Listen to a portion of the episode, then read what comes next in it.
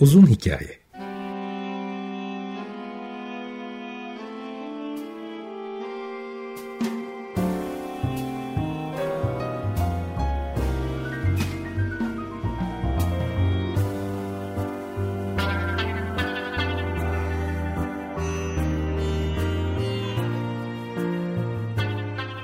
Hazırlayan ve sunan Muzaffer Çorlu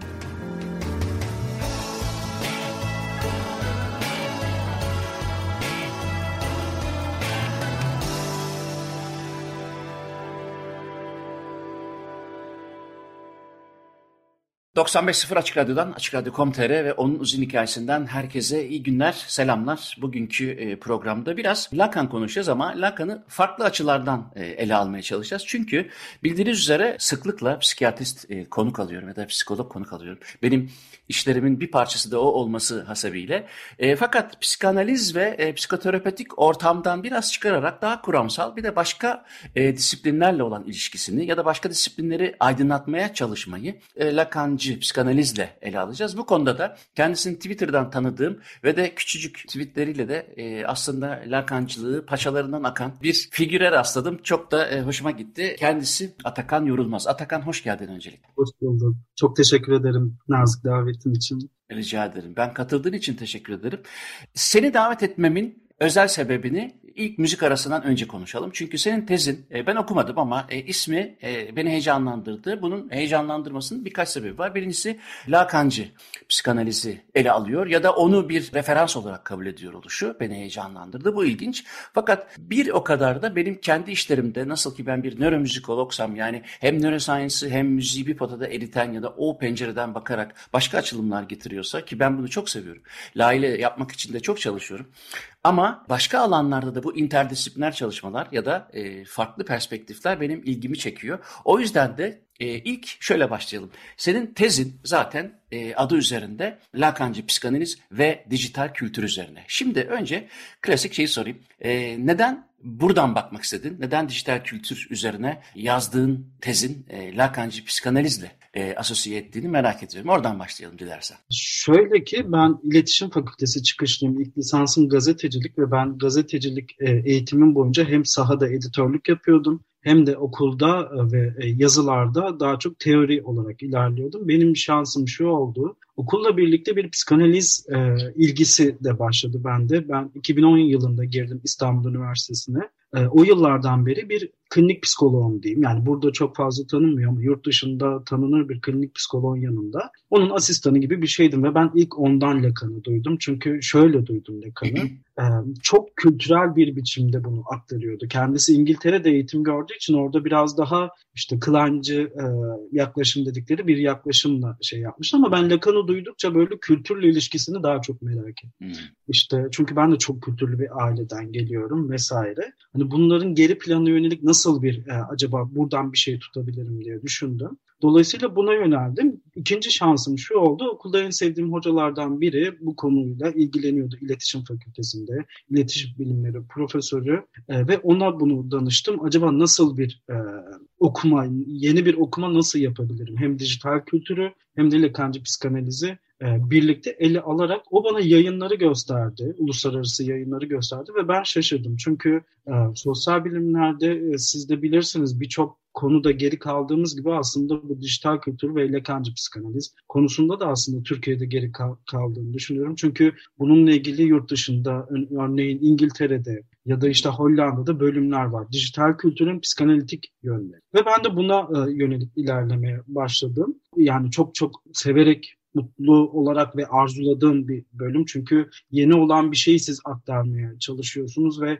bu yeni olanın aktarımında aslında bir e, herkese sesleniş var. Şimdi klinik Lacancı psikanalizin kliniği ele alırsak orada, orada öznel bir işleyiş var. Ama burada benim yaptığım şey yeni olana karşı acaba psikanalitik literatür, literatürde kullanılarak neler yapabiliriz? Mesela bir ötekini nasıl düşünebiliriz? Ya da bir arzu meselesini dijital kültür içerisinde nasıl düşünebiliriz? Bunları çalışırken şunu da fark ettim. Mesela Lacan birçok alandan beslenen bir e, psikanalist. Öncelikle bir psikanalist ama hem devrinden etkilenmiş hem de çağını etkilemiş bir psikanalist. Ve onun e, metinlerine baktığım zaman Lacan çok iyi derecede matematik çalışıyor, topoloji çalışıyor, geometri çalışıyor ve bir yerde şunu yakaladım. Lacan iyi bir şekilde de sibernetik çalışmış. Sıfır ve bir arasındaki ilişkinin durumuna. Dolayısıyla benim bu alana yönelmeme daha çok neden oldu aslında bu okuma. Çünkü Lacan'ın e, eğer e, şöyle bir ayrım yapabileceksem 70'ten sonra bu kapitalist kültüre de aslında biraz daha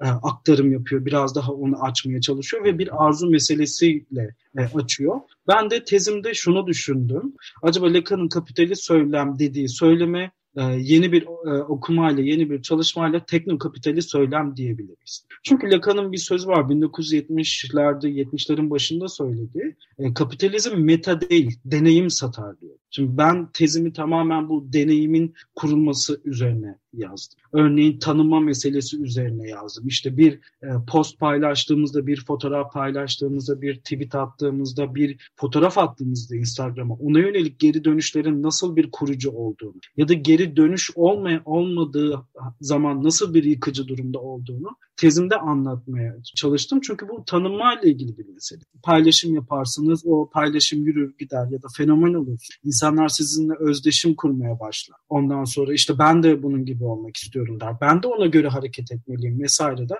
Dolayısıyla bu bir tanınmanın durumunu yaratır. Ama şöyle bir durum var işte. Ben burada e, tezimde şu başlığı koymuştum. Tanınmanın paradoksu var. Şimdi hepimiz arzulayan özneleriz. Özellikle işte Lacan nevrotik yapılarda daha ağırlık veriyordu. Arzulayan özneler olarak özdeşleşmek istediğimiz kişinin arzusuyla bizim arzumuz hiçbir zaman bir olmayacak. Dolayısıyla bu e, fenomenlerle bir olma düşüncesi, onun gibi olma düşüncesi ya da buradan çok para kazanacağım o yüzden bununla aynı şeyi yapmalıyım meselesi düşlemde gerçekleşen yani Lacan'ın fantazm dediği şeyde gerçekleşen mesele. Dolayısıyla tanınma yüzde yüz bir tanınmanın olmayacağını ben tezimde aktardım. Çünkü etkileşim içerisindeyiz. Biz sesimizi duyurmaya çalışıyoruz. Sesimiz duyulmayabilir. Bir zar oyunu gibi bu. Sesimiz duyulmayabilir ve bize çok yıkıcı yerden gelebilir. Kimse beni görmüyor mu? Kimse sesimi duymuyor mu? Ben var mıyım yok muyum? İşte zaten ilgilenmiyordum sosyal medyamı kapattım. Kimse takip etmiyordu sosyal medyamı kapattım vesaire gibi durumlar var. O yüzden bir tanıma meselesi var. Ve burada aslında bir e, öznellik, bir dijital özne kullanımı da var. Şimdi hepimizin dijitalde bir ayak izi var. Bir dijital izimiz var. Dolayısıyla biz bu aslında izlerimizi aktararak sosyal medyada işte diğer ortamlarda YouTube'da vesaire bir iz bırakıyoruz ve o iz artık bizden kopmuş ama yine bize de içkin bir şey oluyor. Lacan bu tabiri kullanmayı çok seviyor. Hem bizim içimizde hem de e, dışımızda bir mesele. Tamamen içerisinde ya da dışarısında değil. Dolayısıyla bu izler aslında mesela benim ismimi arattığınız zaman orada gördüğünüz şeyler benim bir şekilde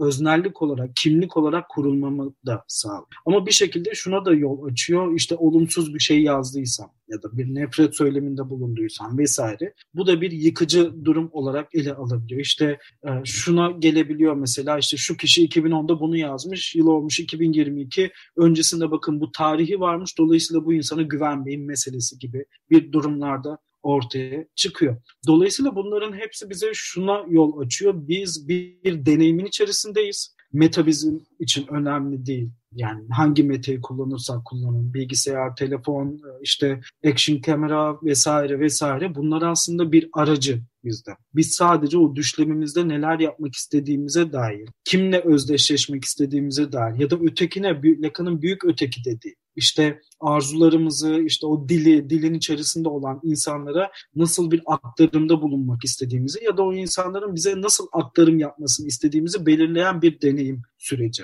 Ve ben burada e, okuldaki derslerimde de aktarıyorum ya da etkinliklerde de aktarıyorum. Biraz e, karamsar e, bakıyorum bu duruma. Şu şekilde karamsar bakıyorum. Çünkü... Ben de onu soracaktım. Burada bütün o Lacan'ın meşhur ifadelerine, kimisinin Türkçe'ye çevrildiği, kimisinin çevirmesek daha daha iyi, e, bu haliyle kalsın dediği şeylere aslında sen bir e, dijital kültür içerisinde bir şey assign ediyor, bir şey e, atıyorsun. Hı hı. Mesela ee, arzu ötekinin arzusudur sözü. Evet. Şimdi öyle bir deneyim meselesi var ki hem ben ona dair bir arzuyla gidiyorum hem de arzulatanla öteki, evet hem arzulayan özne olarak gidiyorum hem de bana karşı arzulatılan bir arzuyla gidiyorum. İşte buna hep örnek veririm derslerde. Telefonları düşünün. Yani bir telefon markasının her sene çıkardığı telefonları düşünün ve şuna yönelik bir e, reklam kampanyası gidiyor. İşte en iyi selfie'yi bu telefonla çekebilirsin. Bir sonrakinde bir şey çıkarıyor diyor ki bakın bunda iyi bir sinema modu var çünkü insanlar artık dışarıda vlog çekiyor işte YouTuber, YouTuber olmaya çalışıyor ve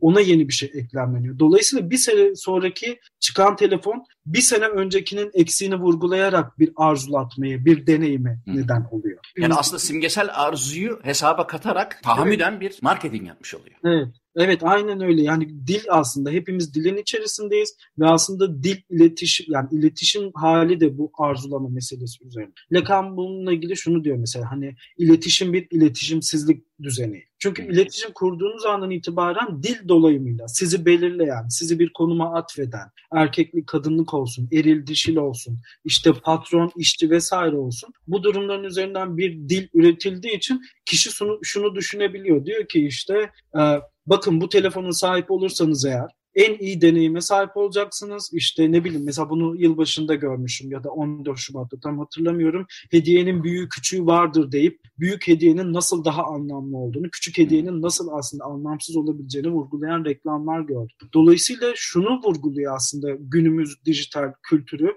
Diyor ki size bir tarafta bak iyi bir konum sağlayacağız size. İşte sen o konumda zevk alacaksın hem bedensel hem ruhsal yani hem psikolojik hem bedensel hem ötekilerin konumundan iyi bir konum elde edeceksin. Hem de sana diyor ki bak sen bu konumu elde ettiğin zaman iyi hissedeceksin. O kişiler de seni görüp e, senin iyi olduğunu görüp buna yönelik de harekete geçecek. Bir zincir oluşturma meselesi gibi. Ben bunu yaptım iyi oldum. Bir başkası bunu gördü. Bunu yapmaya çalışıyor. O da iyi oldu. Bir başkası bizi görüyor. O da aynı şeyi yapıyor ve o da iyi olmaya doğru. Yani hepimiz böyle bir arzulayan ve ötekinin arzulattığı öznel olarak bir deneyim içerisinde. Yani o zaman da tam olarak dediğim gibi yani e, Lacancı psikanaliz hesaba katılarak yeni bir evet. nöromarketing oluşturulmuş da e, denilebilir o zaman ki bu da senin karamsarlığın bundan mı? Benim karamsarlığım şöyle bir karamsarlık. Bu insanları yeni bir durum gibi aktarılıyor. Mesela Metaverse işte gözlüğü takıyorsunuz, istediğiniz yerde olabiliyorsunuz vesaire. Bu aslında zaten insan psikolojisinde düşlem olarak var. Sadece görüntü olarak size geliyor. Benim e, derslerde işlediğim bir film vardı. Tavsiye ederim onu izlemelerini. Cazibe Hanım'ın Gündüz Düşleri diye 1992 yılında yapılma bir film, bir Türk filmi, ödül almış bir film. Orada da mesela işleyiş şuydu işte. Bir cinsel deneyim ya da o partnerini düşlemde görmesi için e, o projeksiyon ekranına mekanlar yansıtıyordu. İşte e, sarnıcı yansıtıyordu, okul yansıtıyordu ve orada bir düşlem kuruyordu. Şimdi insanlara öyle bir şey aktarıyorlar ki o gözlüğü taktığında e, yeni bir yerdesin. Bakın yeni bir deneyim bu. Yeni bir deneyim değil. Geçen 3 e, ay önce bir e, sergide bu işlenmişti. Hmm, cehaleti seçmek başlıklı bir sergide. Orada mesela ilk serginin ilk eseri şuydu. Şey VR gözlüğünü takıyorsunuz ve etrafınızda göçmenlerin yaşadığı göçmen yani e, nasıl söyleyeyim küçük bir kayıya binip kaçmak isteyen göçmenlerin içerisindesiniz. Duygulanıyorsunuz bakın yine hani onu görüyorsunuz çünkü ama bedenen orada değilsiniz. Oluşturulan gerçeklikle yeni sunulan gerçeklik bir ya örtüşüyor bir noktada. Yeni olan ne ki diye sormamız gerekiyor burada. Dolayısıyla bunların yeni olarak aktarımı Aa, hadi bakın e, yeni bir arzu çağı başlıyormuş gibi. İnsan her zaman arzu çağının içerisinde. İnsanlık tarihi boyunca bir arzu çağının içerisindeyiz. Bu yeni bir şey değil. Dolayısıyla yeni bir şey olmadığını vurgulamak için ben bu teze yöneldim aslında. Yani bir yönüyle de aslında hani e, Lacancı bakış açısından yanlış söylemiyorsam biraz önce anlattığın, gösterdiğin analojide aslında gerçek dillendirilebildiği ölçüde gerçekliğin yani imgesel ve simgeselliğin ortasına da gelmiş oluyor. Şu dil meselesine gelelim çünkü e, karışıklık olmasın. E, konuya uzak olan kişilerin kafasını karıştırmaması adına dil meselesinden neyi kastediyoruz Lacancı psikanaliz açısından? E, ona değinelim sonra bir müzik arası verelim. Şöyle dil aslında bizim içerisine doğduğumuz bir şey. Yani bize verili bir şey değil. Biz ilk önce onun içine doğuyoruz. İşte benim adım ben doğmadan önce belli, Atakan vesaire ve aslında dille ilişkimiz böyle bir e, simgesele tabi, Lacan'ın sembolüye simgesele tabi olduk yaptıktan sonra bir e, işleyişle başlıyor. Lacan öyle bir cümle kullanıyor ki aynı evresi dediği bir e, dönem var. 6 ila 18 aylık arası bir dönemde. E, öyle bir durum oluyor ki burada dil devreye girdiği andan itibaren e, özne yani konuşan varlık diyor Lacan özneye. Konuşan varlık e, aslında bir kendisiyle yabancılaşma yaşıyor. E, kendi bedeniyle işte o ayna metaforunu kullanıyordu. İşte bebek aynaya bakıyor. Arkasından büyük öteki dediğimiz yani yasayı dili dayatan birisi aa evet bu sensin dediği andan itibaren tamamen bir kırılma yaşanıyor. Hem o konuşan varlığın kendi bedeni o aynada gördüğüyle bir olmadığını anlıyor hem de ona doğru seslenen kişiyle bir olmadığını anlıyor. Dolayısıyla bu andan itibaren konuşan varlık dile girdiği andan itibaren sürekli bir gösterenlerle iç içe. Yani harfler bir gösterendir, ondan sonra konuşma bir gösterendir, sözcük kelime seçimleri bir gösterendir, dil suçması bir gösterendir. Bunların hepsinin aslında bir işleyişi vardır. Ve Lacan burada şunu söylüyordu. Bir kişi konuşuyor diye o tamamen konuşmak değildir. Dolayısıyla Lacan şunu da vurguluyor. Eğer bir kişi konuşuyorsa her bir kelime, her bir harf teker teker ele alınmalı. Çünkü kişinin öznel tarihinden de bir şey aktarıyordur. Ben burada dil kullanımı derken aslında şunu vurguluyorum, gösterenleri vurguluyorum. Her türlü şey. Sosyal medyada kullanıyorsam eğer paylaştığım e, yazı, kelime, paylaştığım mecra, işte paylaştığım fotoğraf bunları aslında benden olan ama benim dışımda da olan e, şeyler. E, dün değil ondan önceki gün bir şey paylaşmıştım. Belki görmüşsünüzdür sosyal medya ile ilgili emojilerin duyguları aktaramayacağı ile ilgili. Çünkü baktığımız zaman işte orada birkaç kişi karşıt bir şey yazmıştı.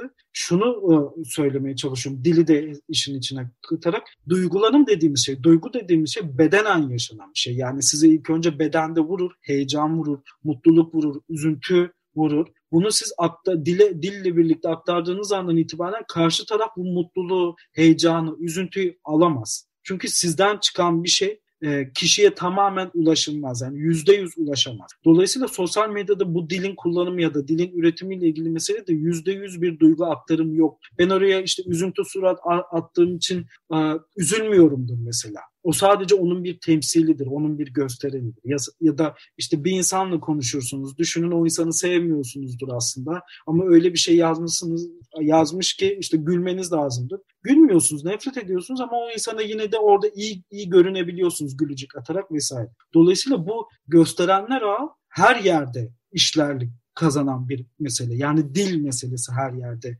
Ee, yani Lacan bir yandan da şunu vurguluyordu bize işte dil de aslında ötekinin söylemidir diyordu. Bilinç dışı da ötekinin söylemidir. Çünkü benden önce olan bir şey ben aktarıyorum. Burada Kaan Hoca e, sağ olsun şöyle bir cümle kullanmıştı. Bizim aslında söylediğimiz her cümle e, Homeros'a işte ne bileyim Gılgameş'e bir atıftır bizden önce belirlenen bir dil var. Biz o dilin içerisinde bir aktarımda bulunuyoruz. Ne zaman yeni bir şey söylüyoruz dil içerisinde? Lacan ve Freud bunu vurguluyordu. Bilinç dışı bir bilgi açığa çıktığı andan itibaren. Dilimiz suçtuğu andan itibaren. Mesela bir analizan analizde şunu söyleyebiliyor bir anda. İşte ben bu niye bunu hep tekrarlıyorsun diye analisti sorduğunda bir yandan şöyle bir kelime çıkıyor ağzına. Ben bunu çok hazla yapıyorum. Bakın çok fazla demiyor. Hazla diyor. Bilinç dışı bir bilgi. Aslında kendine tamamen öznel olan, kendi hakikatine vurgu yapan başka bir dil açığa çıkıyor. Başka bir durum açığa çıkıyor. Dolayısıyla dil meselesini çok bir e, işte konuşmalar değil ya da iletişim değil. Çok geniş olarak düşünmemiz gerekiyor. Hı hı.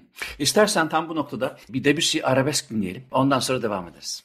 Evet Atakan Yorulmaz'la birlikte devam ediyoruz. Biraz önce e, Claude Debussy'nin arabesk, bir numaralı arabeskini dinledik ve Atakan bize önce Lacancı psikanaliz ve dijital e, kültür üzerine yazdığı tezden bahsetti. Sonra biraz yavaş yavaş Lacan'ı ısınmaya başladık ama e, bir yandan da senin eğitimin şimdi yeni Lacancı ekolde psikanaliz üzerine eğitim yapıyorsun. E, nerede yapıyorsun? E, şöyle ben e, dediğim gibi ilk başta teoriyle ilgilenmeye başladım. Ardından ikinci lisansımı okuyorum şu an psikoloji bölümünde ve yavaş yavaş bu işin kliniğine derinliğine doğru e, ilerliyorum. Çok sevdiğim bir çalışma arkadaşım var Batuhan Demir. Onun ilk önce girmesiyle daha sonra benim başvurmamla Nivlekanya School'a e, girdik ve aslında bu Leka'nın e, özellikle son dönemlerinde bir okul mantığını kurma girişiminin getirdiği bir şey. İşte bir üniversite gibi değil, bir efendi söyleminin, efendinin hakim olduğu bir yer değil. Tamamen bir ekol olarak ilerleyen okullar var aslında dünya üzerinde.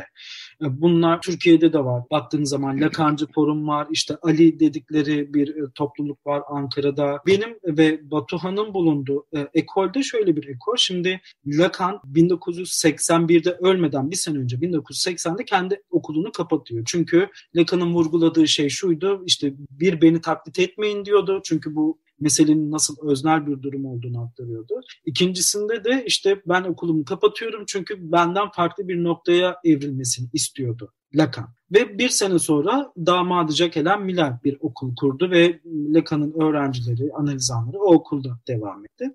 Fransa merkezli bir okul bu. Ama şöyle de bir durum oluştu. E, Lacancı psikanaliz dediğimizde yani böyle tek bir tanının, tek bir durumun herkes için genel bir e, durumun olduğu bir analitik şeyden bahsetmiyoruz. Öznel bir işleyişten bahsediyoruz. Dolayısıyla herkesin Lekancı psikanalize ilişkin pratiği, analistlerin, bu işi e, teorisinin de çalışan insanların işleyişleri çok farklı oluyor. Ee, okula gelene kadar bunu vurgulamam gerekiyordu. Mesela Güney Amerika'da Lekancı psikanaliz çok yaygın ama e, orada işte kendi e, okuduklarıyla, analizanlarının deneyimiyle bir e, Lekancı psikanaliz durumu var. Lekan bunu 11. seminerde yanlış hatırlamıyorsam vurguluyordu. Benim amacım sadece ve sadece psikanaliz yetiştirmek diye vurguluyordu. Ve şunu da vurguluyordu. Diyordu ki ben ne öğrendiysem analizanlarımdan öğrendim. Yani danışan dediği. Analizan da şuradan geliyor. Analizi aslında danışan kişi kendi kendine yapıyor. O yüzden analizan diyor. Ve baktığımız zaman işte bu kadar çok ekol varken e, biz de kendimizi aslında Lekan'ın damadının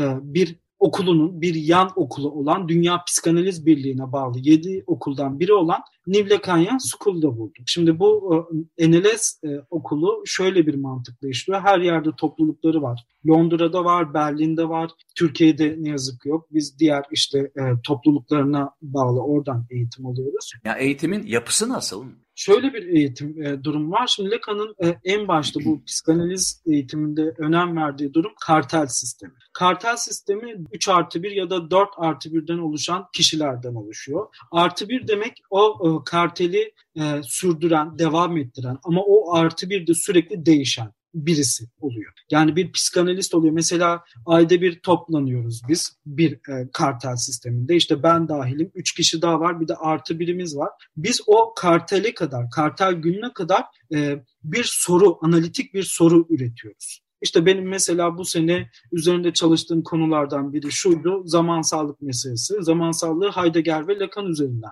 çalışıyor. Ve bununla ilgili bir durumu işte bizde orada diyor ki karta sisteminde e, artı bir. İşte şu gün şu durumu çalışacağız. Ben direkt kafam şuna gidiyor. Bu çalıştığım konuyu oraya nasıl dahil edebilir? Ya da daha önce e, çalıştığım konularda içinden çıkamadığım nokta hangi soru, hangi nokta ve ben bu kartel sistemini nasıl götürebilirim diyerek bir üretim sağlıyor. Şimdi bu kartel sistemi yaklaşık iki sene boyunca devam ediyor, iki ya da üç. Ondan sonra ekol size şunu söylüyor, diyor ki evet kartel sistemine dahil oldun, üretimde sağladın, artık yavaş yavaş e, eğitimlere katılman gerekiyor ve süpervizyon alman gerekiyor ve analizan olman gerekiyor. Lakancı psikanalizde psikanalist olmak için ilk en baş şart analizden geçiyor olmak. Yani öyle diplomayı aldığınız gibi vesaire siz direkt analist olamıyorsunuz. Bir ekolden de geçmeniz gerekiyor. Burada şöyle bir e, parantez açabilirim. Türkiye ve Fransa'daki işleyiş biraz farklı. Çünkü psikanalizle ilgilenmek istiyorsanız burada e, ya PDR mezunu olmanız lazım ya psikoloji mezunu olmanız lazım ya da psikiyatriden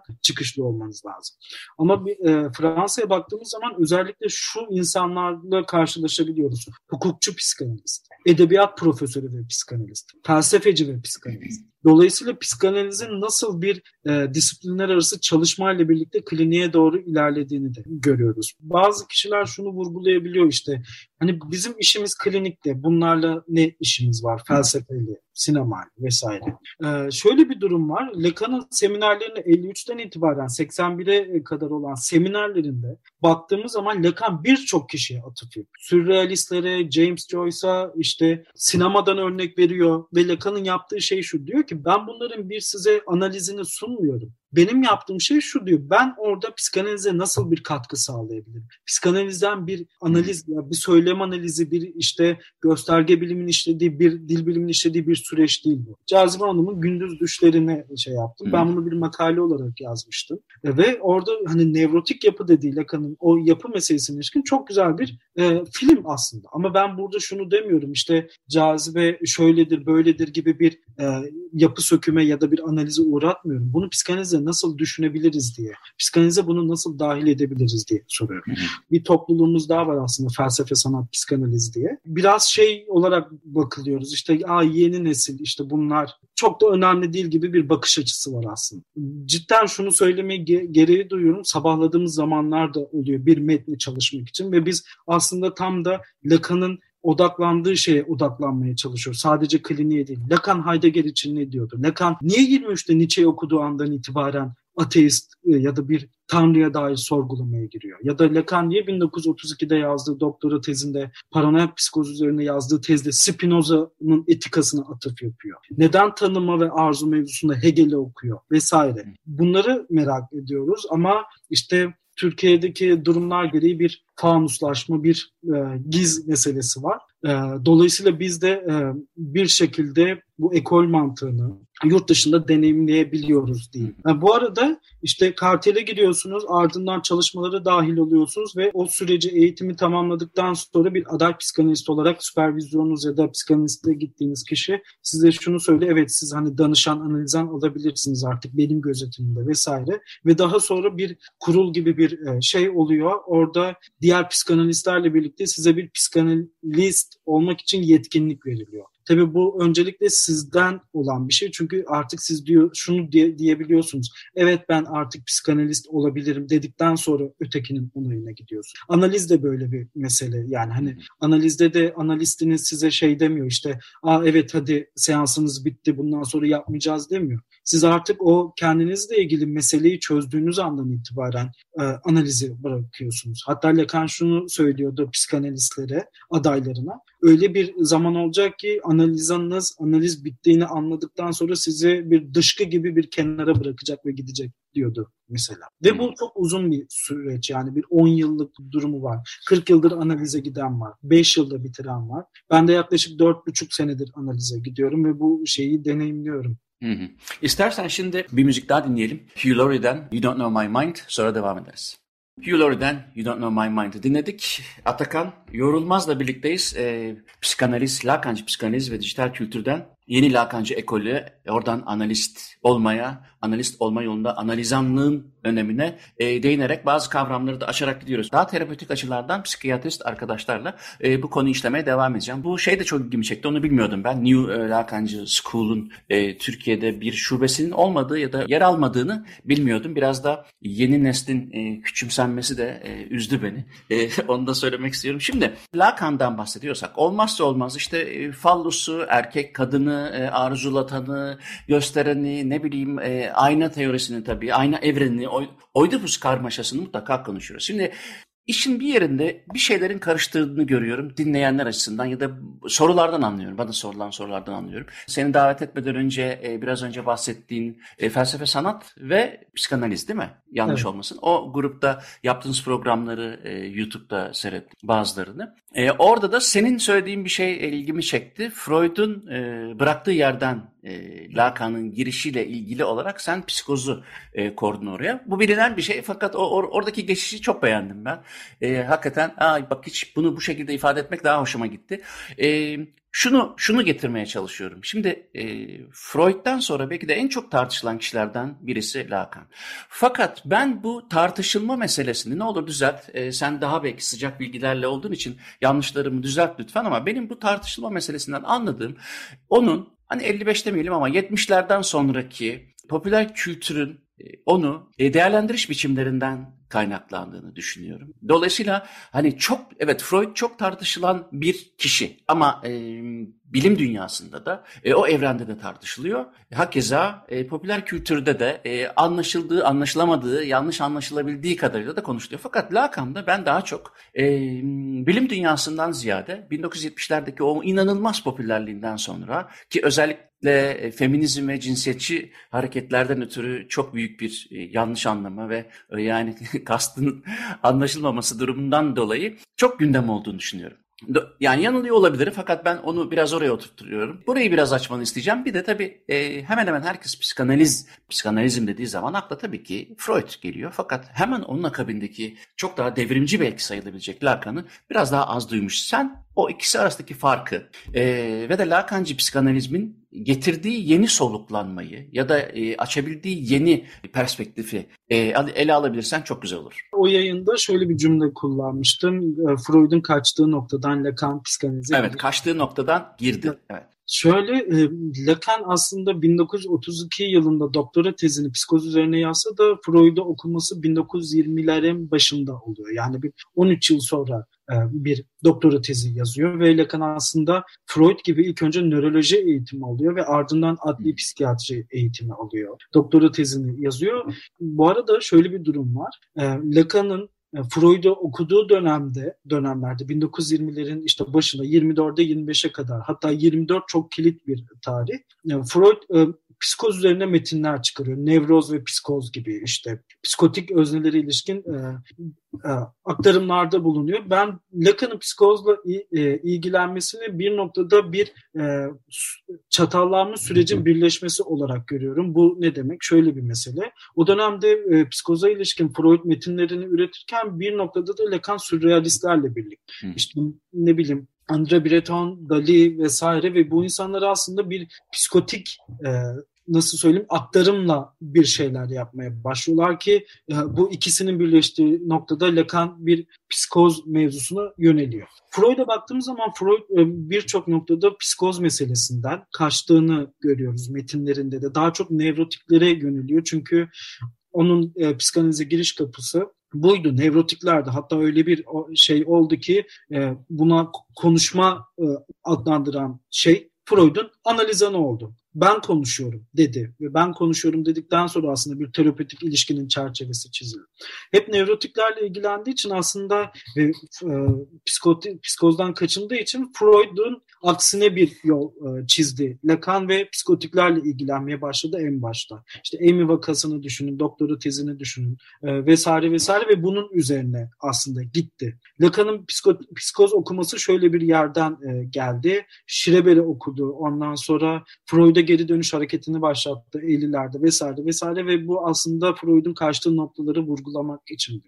Mesela şuna rastlayabiliyoruz işte Schreber için e, bir eşcinsellik durumu e, Freud aktarırken Lacan'da transseksüel bir durumu görebiliyoruz vesaire. Yani bu aslında yeni okuma dediği şey, Freud'un kaçtığı noktaları geri dönme dediği şey. Lacan'ın bir şekilde ben bu öznel olarak kullanacağım bu durumu Freud'u bir aşma meselesi. Zaten hastalık e, ve hastalık olmayan görme bakış açısıyla değil mi? Freud'dan zaten çok ciddi bir makas ayrımı tabii, var. Tabii yani şunu aktarıyor mesela hani biz nevrotiklere normal diyoruz ama onların da ötekilerle ilişkisi var ve eksik diyoruz. Eksik özneler, üstü çizili özne. Bir öznenin üstü çiziliyse eğer, arzuluyorsa da eksikse bu insanlara nasıl normal diyebiliriz? Normal ne ki diye soruyor. Lacan. Yani Lacan'ı şöyle e, tanım şöyle ayırabiliriz aslında. Şimdi ilk başta bu dille ilgili meselesi, psikozla ilgili meselesi, psikozu e, çalışırken Lacan işte Spinoza'nın etikasını çalışıyor ve en önemli bir şey yapıyor aslında. Bunu 70'lerde de görüyoruz. Psikozu dil üzerinden anlamaya çalışıyor. Şimdi psikoz yapısına baktığımız zaman dille ilgili bir soru olduğunu görüyor. 30'larda bununla ilgili ilgilenirken 70'lerde artık teorisini öyle bir dönüştüre dönüştüre seminerlerini veriyor ki 70'lerde biz bunu jouissance ve dil meselesi üzerinden James Joyce üzerinden görebiliyoruz. Yani Lacan böyle Aa, ben bir teori işte... Jouissance çevrildi mi bu arada? Türkçe. Jouissance aslında Kelime zevk veren acı diye çevriliyor ya da işte acı veren zevk ve zevk veren acı gibi. Ya çevrilmese iyi olur gibi bir şey ya aslında değil mi? Gene. sözü var orada zaten. Jouissance. Bu arada jouissance kelimesi şöyle bir kelime. Hala gün, gün gündelik yani Fransa'da konuşma dilinde de kullanılan bir şey. Özellikle hukukta. Boşalma sonrası. Yani Zevki. boşalma sonrası bir de hukuk. Argo'da tabii. Evet. E, hukuktaki anlamı da şu. Bir durumdan, bir işleyişten, işleyişten daha fazla edilen kar. Şimdi kişi lakamını psikanalizde bedendeki bir e, şeyle okuyor. Kar meselesi, daha fazla zevk, acı veren zevk. İşte bir zevk skalasını düşünün. Çok tırnak içinde söylüyorum bunu. Siz o stabillikte gidip gelirken bir anda bir şey pik yaptığı zaman ya da düştüğü zaman bir kaygı uyanıyor sizde. Neden bunu yaşıyorum ki diyorsun. O işte bedenle ilgili bir mesele. Bu jouissansla ve dille bedenle ilgili bir mesele. Lacan'ın yani psikanalize ilişkin en temel bir e, görüşü varsa şudur. Bunu Bruce Fink aktarıyordu. Dil ve bedenin arızası. Dil ve bedenin arızasının olduğu e, her öznede elbette ki arzu, beden ve jouissansla ilgili bir durum vardır vesaire. E, ve e, baktığımız zaman Lacan'ı üçe ayırabiliyoruz biz. İşte ilk dönem Lacan mesela Freud'u okurken egoya, imgesel döneme daha ağırlıklı. 50'lerden sonra 70'lere kadar işte Claude Lévi-Strauss, Ferdinand de Saussure'ü okuduğu için, antropologlarla ilgilendiği için semboliye daha çok ağırlık veriyor, simgesel duruma. Ama 70'lerden sonra artık Lacan'ın ölümle ilgili meseleleri var. Ölümle ilgili meseleleri başladığı için ve teorisini sürekli dönüştüre dönüştüre, kendisini aşağı aşağı ilerlettiği için 70'lerden sonra biz gerçek dönem yani dile getirilemeyen dönemi daha çok işlediğini Ve bu aslında işte sizin e, sorduğunuz soruya da bir cevap olabiliyor. Lacan kendisini o kadar çok dönüştürerek, o kadar çok katlayarak, o kadar çok kendisine bir şey eklemleyerek ilerliyor ki insanlar Lacan'ı hep sabitleyerek bak Aa, Lacan Fallus'la ilgili bunu demiş, feminizme aykırı, Lacan şunu demiş, queer teoriye hmm. aykırı vesaire diye e, şey yapabiliyor karşı bir argüman geliştirebiliyor. Ve benim sorduğum soru bu e, eleştirilere karşı şunu soruyorum. Hangi Lacan'ı aktarıyorsun Hı hı. Yani şimdi mesela e, çalışma şeyimi söyleyeyim. Yani seminerlerin bile e, kendi tabii, içindeki tabii. devinimini düşünürsek. Tabii mesela 19. seminerde Parmenides ve hakikat meselesini ele alırken, bunu aktarırken ve olumlu yani olumlu dediğim bir e, onun düşüncesini iyi bir şey gibi aktarırken 20. seminerde bu adam diye bahsediyor. Aptal diye bahsediyor mesela. Çünkü bir sene boyunca Lacan cidden çok sıkı çalışıyor. Hani burada şöyle bir durum da var. Hani Deleuze'le muhatap halinde, Foucault'la muhatap halinde vesaire bunların hepsinin arkadaş arkadaşları ama o şuna bakmıyor. Bu arkadaşlık meselesi üzerim ya da işte bunlar acaba doğru yapıyor ben bunu kabul ederim gibi değil. Mesela Foucault şeyi yazıyor işte Nedimeler tablosu üzerine bir e, metin yazıyor. Bakıyor seminerinde Foucault karşısında ve e, konuyu değiştirerek Nedimeleri, Velázquez'i falan işlemeye başlıyor. Foucault'un gözüne baka baka onu eleştiriyor. Foucault da sinirleniyor, semineri terk ediyor mesela. Ya da Lacan Anti-Oedipus yaz, yaz, yazılıyor. O Anti-Oedipus'u okuyor ve bununla ilgili bir gece boyunca Deleuze'le e, tartışıyor. İşte aynı evde kalıyorlar, içiyorlar vesaire vesaire. Ondan sonra seminerde gidip şunu söyleyebiliyor. Psikanalizi anlamamışlar, beni bile anlamamışlar deyip Anti-Oedipus'u e, yerebiliyor yani. Hani çok böyle günü gününe tutmayan bir adam. E, bunun belgeseli de var. Randevu diye iz, izlemek isteyenler varsa İngilizce ve Fransızca olarak bulabilirler. İşte analiz anından mesela Gestapo ile ilgili bir aktarımı varken analiz sırasında yanağını sıkıyor. Aktarımı inanılmaz bambaşka yere çevriliyor ve o artık jest oluyor. Gestapo. Kişinin semptomuna dair bir şey yapıyor yani. E, aktarımda bulunuyor. Bir yön değiştirme, bir manevra e, ya şey yapıyor. Dolayısıyla işte bu kadar çok kendini dönüştüren ve bu kadar çok e, teoriye katkı sağlayan, kliniğine katkı sağlayan e, kişi varken bir yerinden tutup da Lacan'ı iyileştirmek bana çok da e, iyi gibi görünmüyor. Ondan sonra... İstersen şöyle yapalım. Bir son bir tane Miles Davis e, So What dinleyelim. Sonra queer teoriye de gireriz. Son cümlede olsun. Evet son olarak bugün Miles Davis'in e, So What'ını dinledik. Atakan Yorulmaz'la birlikteyiz. Şimdi sözünü e, kestiğimi biliyorum. Lütfen onu tamamlayarak queer teoriye de gir istersen. E, bu bir Lacan'a giriş programı çünkü. Sonra tekrar başka programlarda birlikte olup oraları derinleştiririz dilersen. Ama bir hatırlatma da yapayım. E, hem Atakan'ın da bahsetmiş olduğu konularla ilgili olarak e, özellikle şizofrenide fenomenolojik açıdan bakmayı biz e, Cem Atbaşoğlu ile yaptık. Onu e, YouTube kanalımda e, tekrarını görebilirsiniz ya da Agah Aydın'la yine Lacan ve Freud üzerine konuştuk. Zaten bu programın da tekrarı orada olacak, YouTube üzerinde olacak. E, onu hatırlatarak e, son sözü sana vereyim. Queer teoriye ve de biraz önce bıraktığın yerden tamamlayarak e, değinirsen öyle o şekilde de bitirelim. E, şunda kalmıştım. Lacan'ın e, 1920'lerden 1981'e kadar bir e, klinik ve düşünsel serüveni var. Dolayısıyla biz bir total bir Lacan göre, göremiyoruz ya da total bir Lakancı psikanaliz kuram göremiyoruz. Günümüzde de göremiyoruz. Yani ekoller de farklı bir şekilde çalışıyor ya da farklı bir şekilde okuma yapabiliyorlar ki bu çok doğal bir şey aslında. İşte Lacan'ın damadı Miller'in okulu bir ayrı okuma yaparken Colette Soler'in e, forumu başka bir okuma yapıyor. İşte e, Bruce Fink var, Joan David Nasio var vesaire. Aslında psikanalizin nasıl e, öznel bir okumaya tabi tutulduğunu görebiliyoruz. Bu şu demek değil işte. E, ben bunu çalışıyorum, işte Bruce Fink bunu demiş. Dolayısıyla bu eşittir Lacancı psikanaliz ya da Lacan'ın düşünceleri demek değil. Onlar kendi klinik pratiklerinden de bir şeyler aktararak aslında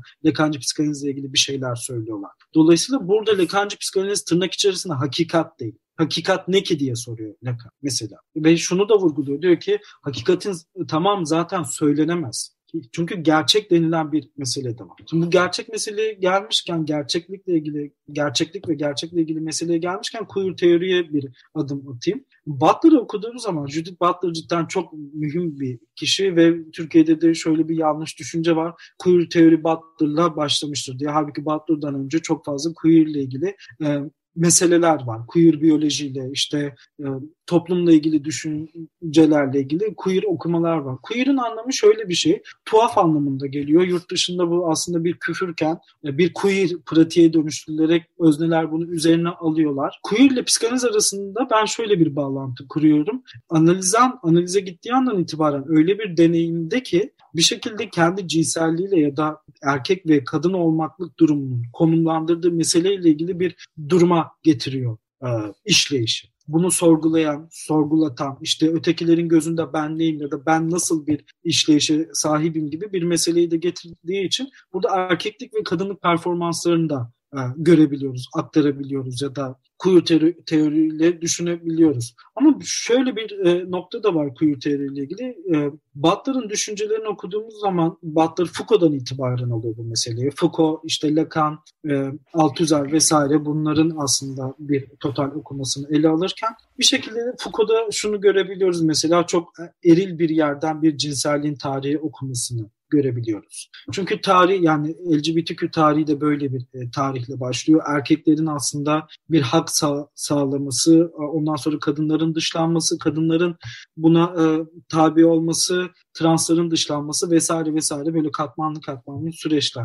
Ve Judy Butler'da gördüğüm şey şu, gerçek meselesini bir e, kaçırma noktası var. Şimdi Lacan 19. seminerde şunu vurguluyordu. Cinsel fark meselesini tartışmaya açıyordu ve bu cinsel fark meselesinin aslında e, direkt söylediği cümle şuydu. Kadınlık ve erkeklik meselesi ötekinin sahnesinde sahnelenen bir dram aslında. Çünkü onlar da bir gösteren ve bu gösterenleri aslında biz e, alarak biz kendimizde konumlandırarak ötekine bir performans sunuyoruz. Judy Butler bunu hep aktarıyor. Bir performanslık, bir heteronormative içerisinde bir performanslık durumu. Ama Lacancı psikanaliz şunu vurguluyor. Daha başta bir mesele var. İşte kastrasyonla ilgili bir mesele var. Cinsel farkla ilgili bir mesele var. Kişinin hangi yapıyı seçtiğine dair bir mesele var. Yapı da bir seçim meselesi ve Lacancı psikanalizde üç yapı görüyoruz. Nevroz, psikoz ve saptum. İşte bunları açarsak ve Kant şunu vurguluyordu. Nevroz babanın yasasını men e,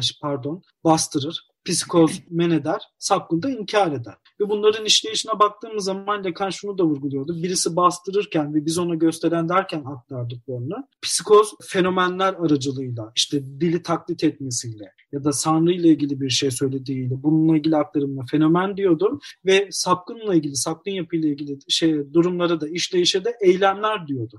Şimdi bu kadar bir e, parçalanmış durum varken her bir özneleri queer teorinin içerisine alırsak direkt kadınlık ve erkeklik olarak konumlandırabiliyoruz. İşleyişe, fenomenlere, eyleme ve bu bastırmayla ilgili edimlere çok fazla dikkat çekmiyor Butler. Yani şunu özetle söylemek istiyorum. Butler'ın bir psikanaliz okuması çok simgeselden bir okuma. Ama Lacan bu işin geldiği yeri gerçekten bir mesele olduğunu söylüyordu ki bu benim bir e, makalemin bir bildiri olarak sunduğum makalenin de başlığıydı. Bu cidden gerçekten başlayan bir mesele. Hem bizi hala etkileyen hala sürdüren ama bir şekilde de sürekli o başlangıç noktasına atıf yaptığımız bir şey. Lacan şunu vurguluyordu mesela cinsel ilişki yoktur. Şimdi cinsel ilişki yoktur derken Lacan e, işte iki kişi arasındaki bir seksüel ilişki yoktur demiyordu. Orada kullandığı kelime bağıntıydı. Yani partnerler arasında tam bir bağıntı yoktu. Özneler arasında da tam bir bağıntı yok. Dolayısıyla bir işleyişi kadınlık ya da erkeklik olarak net bir şekilde konumlandıramıyoruz. Ve burada queer teoriye geldiğimiz zaman şunu görüyoruz. Queer teorinin de çok fazla bir işleyişi var. Kişiler bunu kimlik olarak alabiliyor. İşte feminist queer olabiliyor, marksist queer olabiliyor.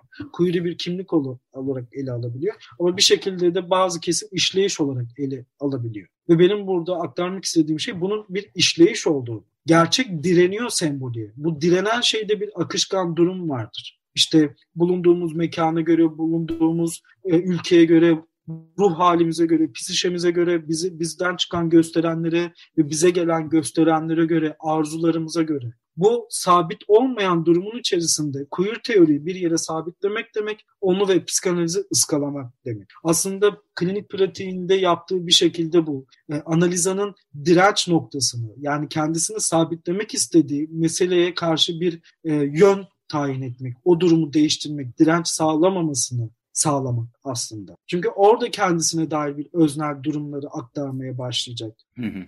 İstersen bu şekilde de bitirelim Atakan. Konu uzayacak tabii. Dediğim gibi hani e, mutlaka tekrar bu platformda belki oturur detayları açarız ama bize ayrılan sürenin sonuna geldiğimiz için Açık Radyo'da. E, ben öncelikle çok teşekkür ederim. Hakikaten yine çok şey öğrendiğim bir program oldu ama özellikle de sindirilmiş bir lakanı tekrar dinlemek de bende şimdi güzel sorular uyandırdı. Tekrar soracağım ben bu soruları. Önce kendime sorayım. Bugünkü programda konuğum e, Atakan Yorulmaz'dı. Kendisiyle Lakancı psikanalizden alıp dijital kültüre e, yeni Lakancı ekole kadar geldik. Konuştuk biraz, muhabbet ettik. Güzel de olduğunu umuyorum. Bana ulaşmak için Muzaffer Corlu'ya yazabilirsiniz. Ya da Twitter'dan program ayrıntılarına Muzaffer Corlu YouTube kanalında da tekrarına ulaşabilirsiniz. Açık Radyo'da bu programın tekrarını Spotify'a koyacak. Haftaya görüşürüz. Hepinize günaydın.